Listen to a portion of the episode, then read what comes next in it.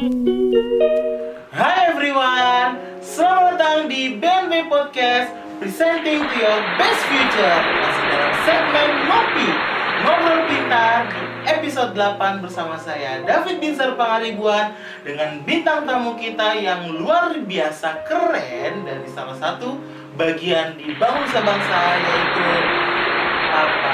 Jian Papin Junior, Sarjana Teknik. Hai Pak Halo, halo, halo, luar biasa ya. Kita ketemu Eh. kali ini Pak di podcast. Gimana kabarnya Pak Jian? Alhamdulillah kabar saya baik ya. Alhamdulillah. Berarti harus tetap ceria ya Pak ya. Harus tetap ceria. Walaupun di masa pandemi kayak gini, Wajib. yang penting tetap ceria karena jiwa yang ceria itu bisa menyehatkan raga, bener kan? Betul. Belajar sekali. juga akan tetap fokus. Oke, sebelum kita jauh, sebelum kita kulik-kulik tentang bangsa-bangsa bersama dengan Pak Jean, nah kita mau tahu pasti teman-teman atau anak-anak atau adik-adik di rumah penasaran kan sama siapa sih Pak Jean ini?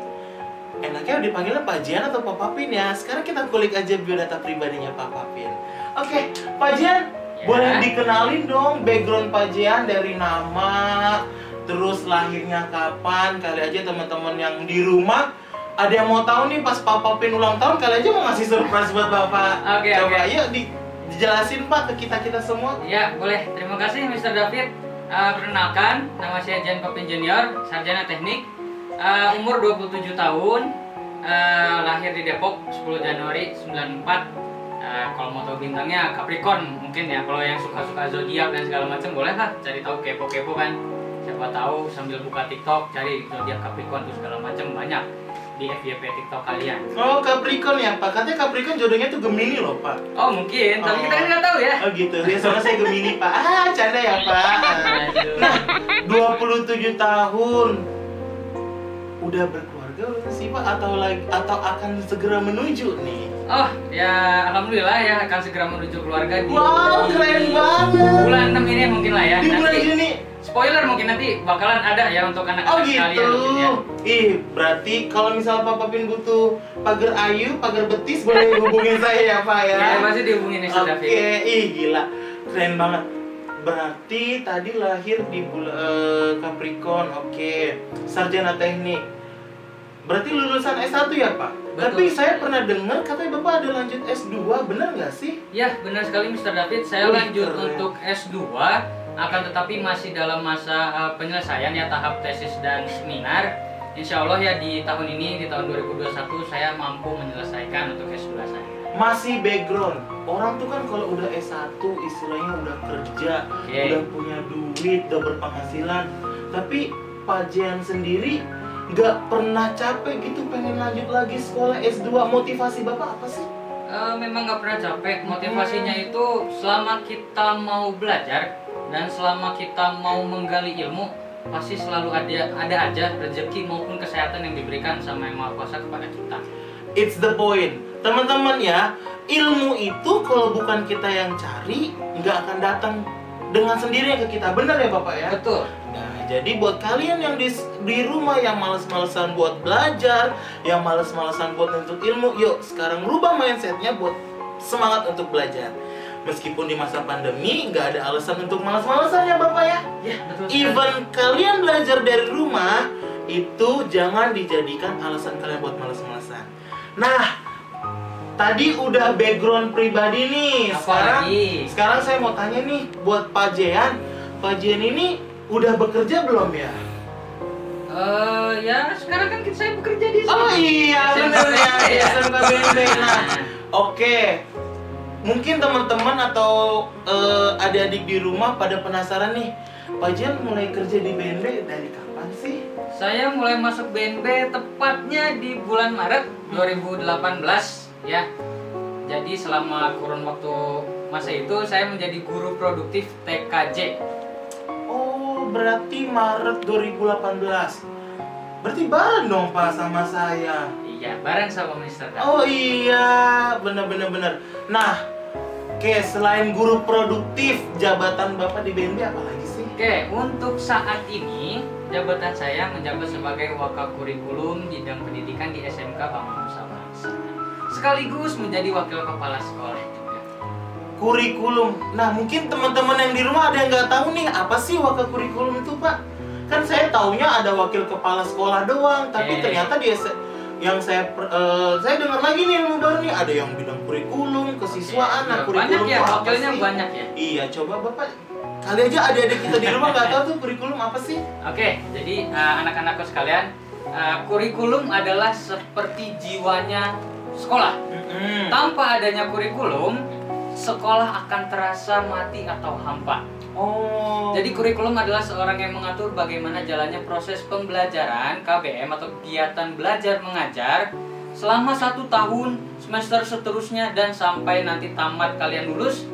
Itulah kerja kurikulum seperti itu kira-kira. berarti yang bikin jadwal. Betul. yang ngatur kegiatan belajar dari masuk sampai pulang Betul. itu bagian kurikulum. bagian kurikulum. Wih, berarti ribet ya Pak kalau misalnya buat jadwal ternyata antara satu guru dengan yang lain bentrok pusing juga ya. Pusing. Nah, saya mau kulik lagi nih pengalaman Bapak bikin jadwal.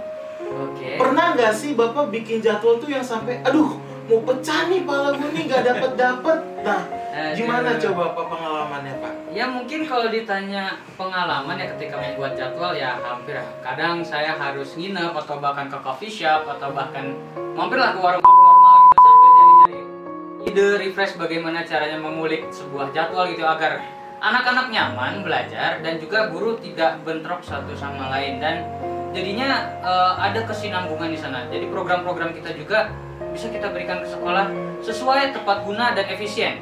Itu fungsi dari kurikulum sebenarnya. Tadi nama warungnya disensor ya, eh, author itu nggak masuk eh, sponsor kita ya. Bukan warung, advertisement warung ya.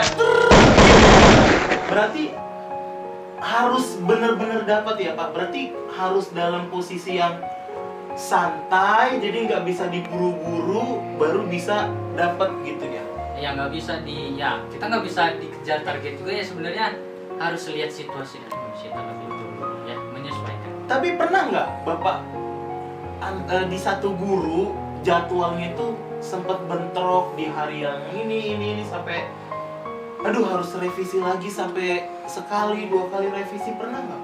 Sering sekali mungkin ya, karena eh, ada satu dan lain hal jadi kita harus eh, rubah mindset kita lagi seperti apa mau dibuat jadwalnya. Kita juga lihat eh, kondisi situasi lapangan anak-anak seperti apa kondisinya. Jika kita masukkan atau kita paksakan secara logis tidak mungkin ya sudah tidak tidak mungkin kita lakukan. Kita rubah lagi. Kita cari plan B. Jadi kalau dalam planning itu ada plan A, B, C, to D, to Z bahkan sampai akhirnya ada. Ya kira-kira seperti itu. Itu salah satu hal yang menjadi kendala sebagai kurikulum. Betul. Selain bikin jadwal, ada lagi nggak sih yang jadi kendala bapak sebagai kurikulum atau yang yang jadi unek-unek bapak gitu unek-uneknya bukan unek-unek apa ya maksudnya oh ternyata selain bikin jadwal ada juga nih side side opinion bapak yang yang susah juga sebagai kurikulum ada nggak? Ya, mungkin yang paling sulit eh, ini juga bagi rekan-rekan guru ya. Ini mungkin ada RPP dan silabus. Tentunya administrasi sekolah wah kurikulum juga yang bertugas untuk mengatur gitu. bagaimana sebuah mata pelajaran eh, berjalan sesuai dengan prosedurnya atau tidak atau ada kurikulum yang melenceng atau tidak. Kita harus mampu memantau hal tersebut. Nah, berarti buat kalian Bapak Ibu guru yang di luar sana ya. Yuk, RPP silabusnya yang belum dikumpulin ya. Nah, termasuk. Canda ya Pak kurikulum ya. Saya udah aman kok, ya. tenang. Nah, Bapak tadi bilang Bapak sarjana teknik. Oke. Nih, saya kan punya banyak temen nih dari yang sarjana teknik. Mereka rata-rata pada pengen kerjanya jadi teknisi, jadi operator di sebuah perusahaan. Mhm. Nah, kenapa dari Pak Jian sendiri memilih pengen jadi guru? Apa sih alasannya? Eh, alasan saya pengen jadi guru sebenarnya balik lagi ke background dan pendidikan saya. Ketika saya di SD, eh, saya itu pengen sekali menjadi seorang ustadz. Cita-cita saya saya tulis di Oh, dalam jadi pengen kertas lembar itu saya pengen jadi seorang ustadz. Oh, Ya, akan tetapi ya menurut saya saya tidak uh, terlalu dalam agama ya jadi uh, kepikiran juga kok ya saya juga uh, kurang gitu ya dalam uh, menyampaikan hal yang ber, uh, berhubungan dengan agama tapi saya lebih bisa dekat dengan teknologi juga tapi kan berhubungan juga dengan agama. Nah menurut saya kalau ustadz kan dalam bahasa Arab artinya guru. Ya, Ya. benar. berarti kan menurut saya ya ustadz ya jadi guru juga gitu kan sama Betul. saja. Jadi ya menurut saya eh, karena ustadz adalah sama dengan guru ya ketika kita istilahkan ya itulah eh, insting saya untuk menjadi seorang guru tergerak di sana. Meskipun istilahnya background saya adalah seorang sarjana teknik tentunya style mengajarnya mungkin agak di awal ya kikuk gitu ya. Benar. beda gitu ya dengan karena kan kita biasa belajar Iya. yang saya tahu belajar teknik ya. All about teknik. Iya. And now eh, bekerja atau berkecimpung di dunia pendidikan kan istilahnya kalau dalam matematika tuh berbanding 180 derajat ya Iya. Pak ya. Tapi Bapak malah milih di dunia pendidikan. Berarti itu keren banget sih. Nah ada perasaan menyesal nggak ketika Bapak udah gabung di dunia pendidikan sebagai Eh. seorang guru? Tidak. Jawabannya tidak. Kenapa tidak? Kenapa tidak? Karena eh, di Indonesia ini ya pendidikannya kalau bisa dibilang kita kalah dengan negara-negara lain yang Benar. se Asia Tenggara ya tentunya. Eh, kalau bisa dibilang kualitas pendidikannya ini harus lebih diasah lagi harus lebih naikin lagi levelnya. Karena menurut saya banyak eh, siswa-siswi atau bahkan anak-anak di luar sana yang tidak mendapatkan pendidikan yang sama persis seperti kita dapatkan saat Benar, ini benar banget. maka dari itu menurut saya menjadi seorang pendidik adalah uh, amal ya amal ibadah bagi kita Pahlawan. semua pahlawan juga pahlawan tanpa tanda Pahlawan jasa ya tanpa Pak tanda Benar. jasa ya amal ibadah buat kita semakin sering ngasih ilmu semakin banyak pahalanya Ngomong-ngomong tentang pendidikan di Asia Tenggara itu bener banget. Kita aja negara Indonesia yang udah luas banget, yang termasuk negara terbesar di Asia Tenggara, pendidikan masih kalah sama negara Singapura yang istilahnya tentunya nggak ada setengah bahkan seperempatnya dari negara Indonesia aja nggak nggak ada. Nggak ada ya betul Tapi Singapura sendiri bisa lebih maju Bisa. gitu ya Pak. Nah itulah kenapa eh, kita sebagai guru itu banyak banget yang namanya eh, usaha perjuangan kita. That's why kenapa kita disebut sebagai pahlawan bener gak betul sekali Pahlawan tanpa tanda jasa karena kita mau ngabdi, kita mengajar, kita eh, tidak berharap lebih yang kita betul harapkan sekali Mr. Dan. mereka bisa menjadi orang nantinya bener kan Pak? betul sekali tidak akan ada pilot tanpa ada guru ya tidak akan ada eh, dokter tanpa ada guru nggak akan ada artis influencer youtuber podcaster tanpa ada seorang guru. Jadi yuk sekarang kalian yang masih males-malesan buat belajar yang masih sering ngelawan guru-guru kalian ya ingat ya nak guru eh, teman-teman guru itu pahlawan tanpa tanda jasa. Nah tadi udah sebagai kurikulum nah udah ngajar juga. Sebelum di BNB nih Pak di Yayasan Bangun Nusa Bangsa Pak Jian udah pernah bekerja belum sih sebelumnya di luar? Oke, sebelumnya saya sudah pernah bekerja di luar selama satu tahun kurang lebih eh, bekerja di Excel Axiata oh. eh, di bagian power engineering. Mhm. ya kebetulan karena sesuai dengan basic saya sarjana teknik listrik ya teknik listrik arus lemah. Jadi saya ditempatkan di Excel Axiata selama satu tahun. Lah- lalu setelah itu saya resign karena saya rasa bekerja di belakang bangku itu kurang asik. Hmm. ya, kurang asik Excel Axiata kan tahu sendiri. Ya betul Eh, sekali.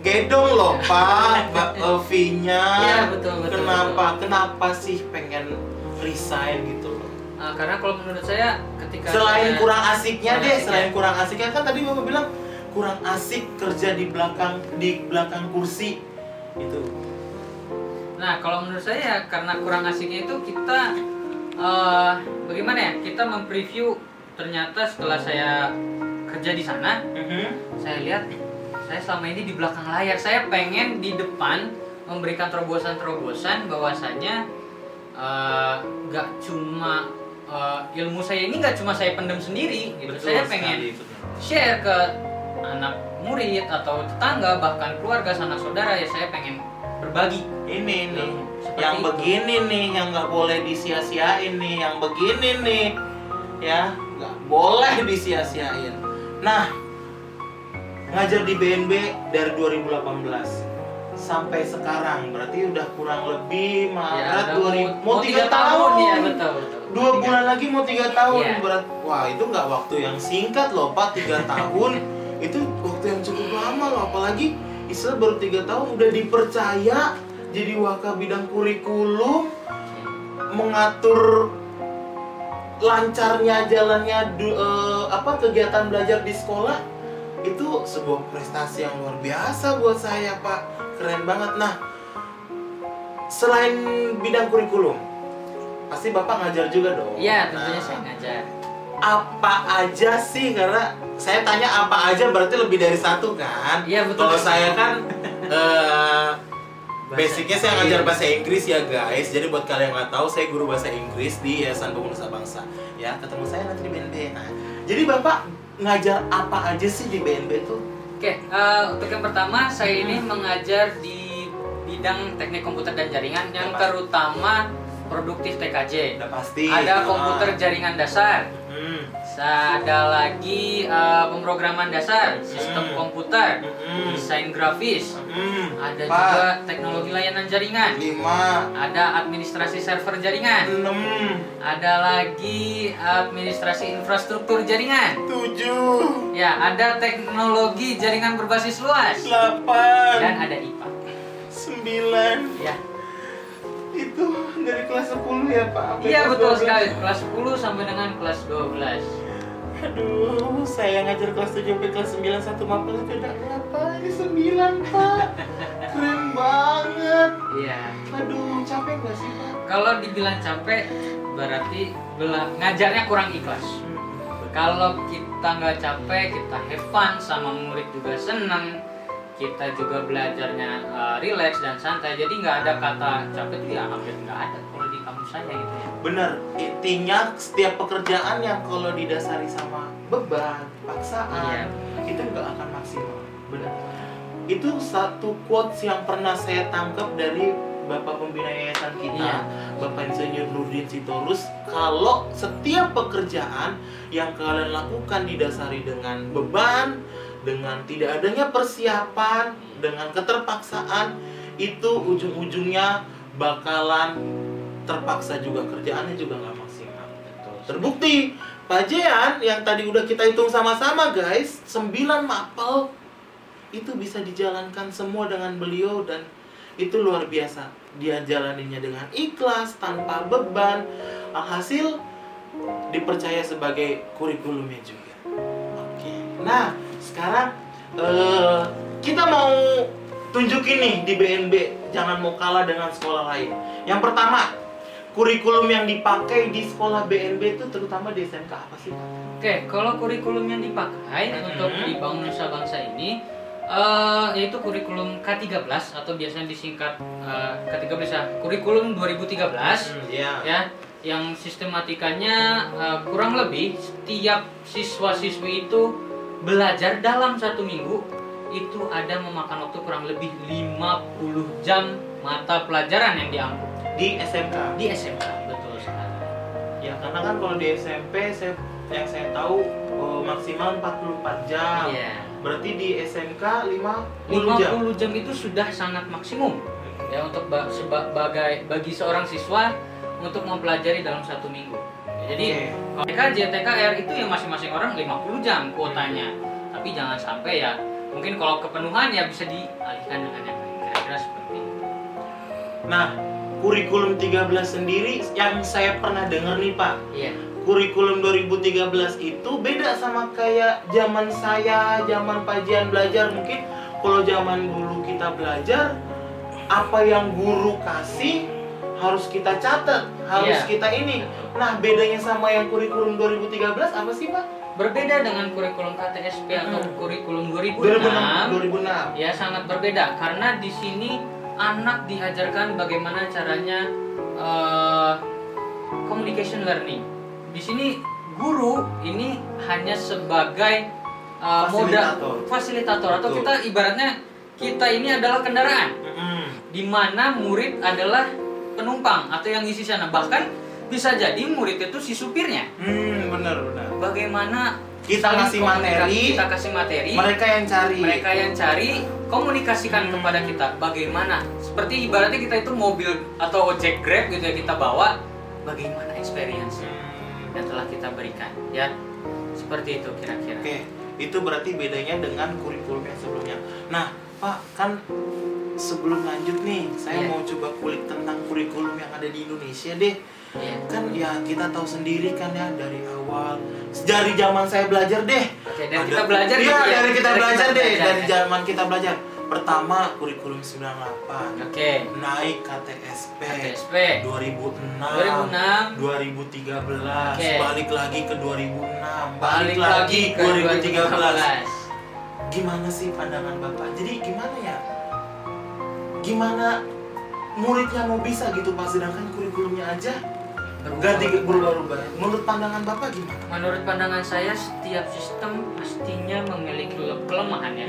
Tidak ada yang sempurna. Akan tetapi, bagaimana sebuah sistem itu dijalankan oleh user sebagai pengguna, ya, eh, itu harus mampu dimaksimalkan semaksimal mungkin. Baik. Sejelek apa pun Benar. eh, kelemahannya, itu harus kita hadapi dengan SWOT.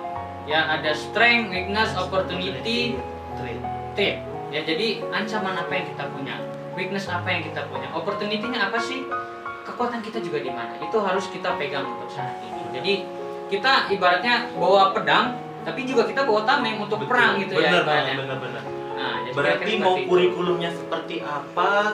Kita sebagai tenaga pendidik kalau sudah ready, itulah kenapa kita wajib butuh yang namanya RPP silabus ya Pak. Betul. Ketika kita sudah ready, ya kita sudah punya pedang, kita sudah punya tamengnya. Mau apa pun kurikulumnya. Oke, keren banget. Nah, kembali lagi ke BNB nih Pak. Kita kan udah lagi masuk masa PPDB nih Pak. Oke. Ya kan?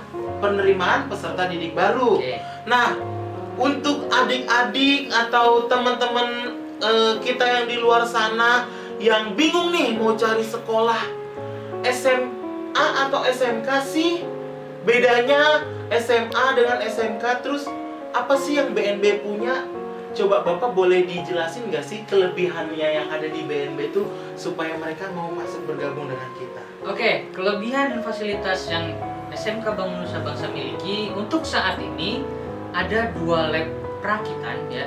Kita memiliki lab perakitan dan lab TKJ, terutama ada di lantai satu dan di lantai dua. Hmm. Lalu ada lab akuntansi. Nah, di lab akuntansi ini mungkin yang paling diminati untuk eh, siswa-siswi akuntansi yang pengen di luar sana pengen masuk gabung ke BNB Yes.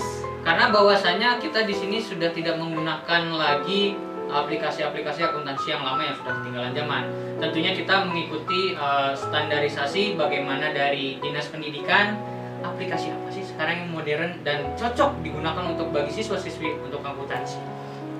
Lalu kita juga di BNB, jangan salah, kita di BNB juga punya bengkel. Benar. Selaku eh, kita juga kan ada tiga jurusan ya, ada akuntansi, teknik komputer jaringan, ada teknik kendaraan ringan. Nah di kendaraan ringan tentunya punya bengkel. Ya ada bengkel workshop di sini nggak cuma sekedar bengkel saja. Betul. Nah bengkelnya di sini juga kita eh, kita bisa membangun kembali kit-kit atau alat-alat workshop di sana supaya nanti bisa dijadikan atau bahan ujian Hmm, kira-kira iya, seperti itu benar, benar. kita jadi nggak cuma setting mobil uh, startup mobil tune up mobil uh, services mobil enggak tapi kita di sana juga kita harus mampu membuat uh, sebuah kit atau alat yang nantinya akan menjadi sebuah uh, produk kewirausahaan kira-kira seperti itu Wah, berarti keren ya. Setiap jurusan punya ruangannya masing-masing. Punya. Istilahnya lab TKJ sama lab AK nggak bisa disatuin, ya kan? Iya, Jadi nggak betul boleh karena di akuntansi sendiri ada yang nggak boleh diutak-atik. iya betul Kayak istilahnya saya tahu mayop, Iya. rumus mayop itu nggak boleh diutak-atik dan itu Iya. dan the best school apalagi for the vocational high school is the school that has the best facilities. Yes. Ya. sekolah yang baik itu sekolah yang punya fasilitas-fasilitas yang luar biasa. That's cuma kalian bisa temuin di BNB nah oke itu udah seputar BNB nih. Sekarang siswa terlebih siswa-siswi BNB yang bapak ajar, yang maupun yang bapak nggak eh, ajar atau yang eh, tidak hanya di SMK, mungkin juga yang ada di SMP. Apa sih harapan Bapak untuk anak-anak kita di sekolah Bangun Nusa Bangsa, terutama yang SMK? Eh, terutama untuk anak-anak saya yang di SMK ya bapak berpesan dari podcast ini setidaknya eh, yang saya harapkan ketika kalian selama proses KBM berlangsung di rumah laksanakanlah dengan ikhlas ya. Harapan bapak supaya apa sih kalian ikhlas? Supaya kalian tidak tertanggungi beban-beban penugasan yang kami berikan selama kalian belajar di rumah. Tentunya harapan saya supaya kalian bisa enjoy belajar di rumah juga tidak terlalu terbebani tidak stres. Dan kami juga yang ada di sekolah tidak merasa tertekan bahwasanya oh kalian tidak mengerjakan tugas kami panik. Guru-guru panik. Ya tidak seperti itu. Tentunya kami ingin hanya kalian uh, belajar meskipun dari rumah tapi bisa secara maksimal yang didapatkan kira-kira seperti itu ya jadi nggak cuma belajar di sekolah aja yang maksimal kira-kira di rumah bisa nggak anak-anak di rumah Yes, belajar bener secara banget. maksimal Bener banget. Jadi ya buat anak-anakku yang siswa-siswa SMP dan maupun SMK, terutama SMK BNB, jadi belajar di rumah itu kita harus sabar. Dalam artian pandemi ini nggak ada yang mau masuk ke negara kita, benar betul. Nggak ada yang mau masuk ke dunia kita, ke bumi kita tercinta ini. Jadi ya kembali lagi kita doa sama-sama apa pun yang sekarang lagi terjadi kita harus terima ya Pak karena apa ada hikmahnya nanti di baliknya ya ada hikmahnya kalian mungkin hikmahnya kalian bisa lebih dekat lagi dengan orang tua belajar di Betul rumah. sekali. lebih banyak quality time nya sama keluarga di rumah. Jadi lebih ada pendekatannya lagi dengan orang tua di rumah. Nah itu juga salah satu kelebihannya buat ayah dan bunda di rumah. Oke? Nah jadi buat kalian ayah bunda atau teman-teman atau adik-adik semua yang di rumah yang masih bingung nih mau cari sekolah di mana yang mau cari eh, sekolah yang bakal lulus dan dijamin masuk kerja ya bener ya pak karena Betul. ya lulusan BNB itu dulu saya udah saya, saya inget banget angkatan 2 udah ada yang kerja di Mitsubishi sama di ASKI Iya, siapa sih yang nggak kenal? Sorry Mercedes Benz Mercedes Benz siapa sih yang nggak tahu Mercedes Benz sama ASKI dua perusahaan kendaraan bermotor yang eh, nomor satu istilahnya ya kan? Yang yang terkenal yang tahu sendiri fee-nya minimal 8.000 aja nah bisa dapat nah BNB loh. ya jadi jangan sampai salah pilih sekolah. Karena Bangun Nusa Bangsa sudah membuka penerimaan peserta didik baru baik SMP maupun SMK yang sudah dibuka dalam gelombang pertama yang sudah dibuka dari Januari sampai April 2021. So, jika kalian mau dapat biaya pendaftaran hanya dengan 1.800, yuk daftarkan segera putra dan putri Bapak Ibu yang ada di rumah atau kalian semua yang pengen masuk di BNB hanya dengan biaya 1.800. Sekolah mana coba yang murah, fasilitasnya lengkap, semua ada, guru-gurunya juga sesuai dengan mata pelajarannya betul sekali bangunannya nggak perlu lagi ditanya. Kalau kalian masih penasaran nih, masih nggak percaya, yuk datang ke Jalan SKB nomor 8 RT 6 RW 7 Karadenan Cibinong untuk cek sekolah kita. Ya, atau kalian bisa kunjungin IG kita di smpbnb.tit01 atau di @smkbnb. Di situ banyak seputar informasi tentang sekolah kita ya, Pak. banyak sekali Dan informasinya pun update. update Ya. Kalau nggak salah, eh, websitenya SMK udah ada. websitenya saya yang megang Nah, kebetulan web, apa sih pak websitenya? Boleh dikasih tahu? Websitenya